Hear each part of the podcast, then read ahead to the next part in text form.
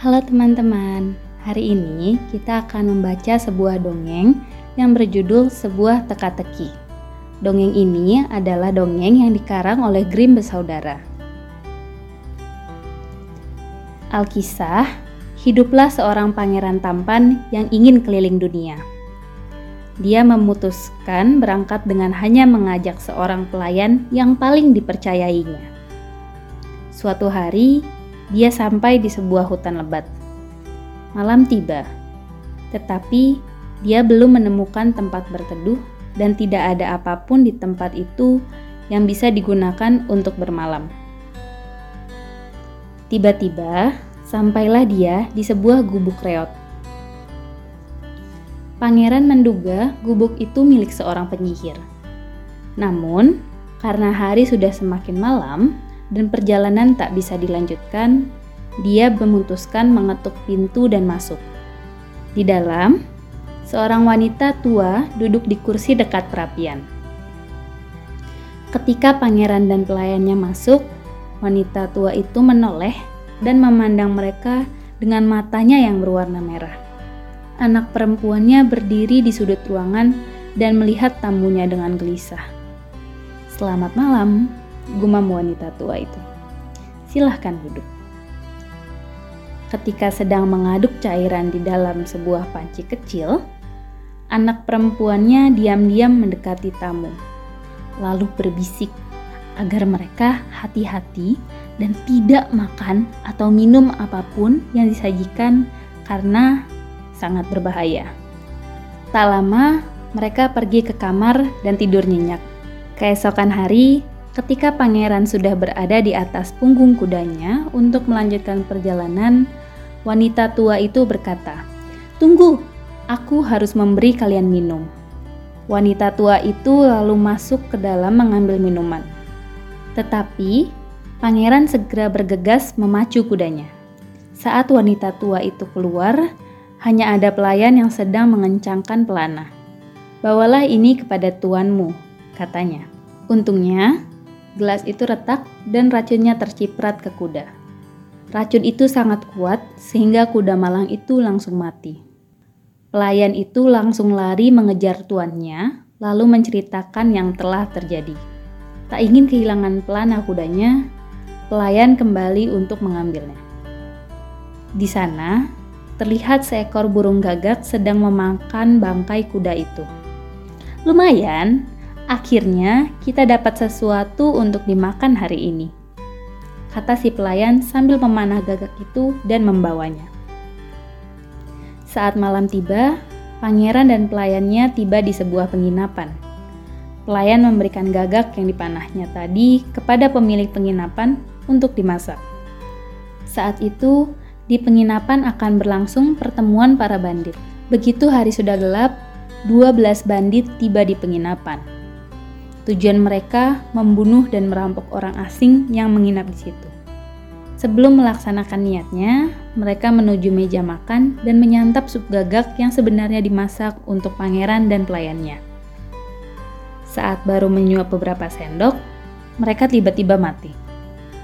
Racun itu rupanya telah masuk ke tubuh gagak yang memakan daging kuda beracun. Akhirnya, pangeran dan pelayannya meneruskan perjalanan tanpa sempat makan. Setelah berkuda semalaman, mereka sampai ke kota tempat tinggal seorang putri cantik tetapi sombong. Putri itu mengadakan sayembara. Jika ada pria yang bisa memberikan teka-teki yang tak bisa dijawabnya, dia akan menikahi pria itu. Namun, jika bisa ditebak, pria itu harus dihukum. Putri membutuhkan waktu tiga hari untuk menebak teka-teki yang diberikan. Dia sangat pintar, sehingga semua hal bisa dijawabnya. Sembilan pria telah dihukum. Pangeran yang terpesona oleh kecantikan sang putri bertekad mengikuti sayembara itu. Maka, dia menghadap sang putri lalu memberikan teka-teki. Apakah ini? Tak menyakiti apa pun, tapi membunuh 12 orang. Putri tak bisa menjawabnya. Dia terus berpikir dan membaca buku-buku tentang teka-teki. Namun, tak ada yang bisa membantunya. Dia pun kehabisan akal.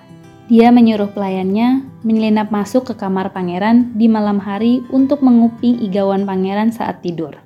Namun, pelayan pangeran yang cerdik menggantikan tuannya.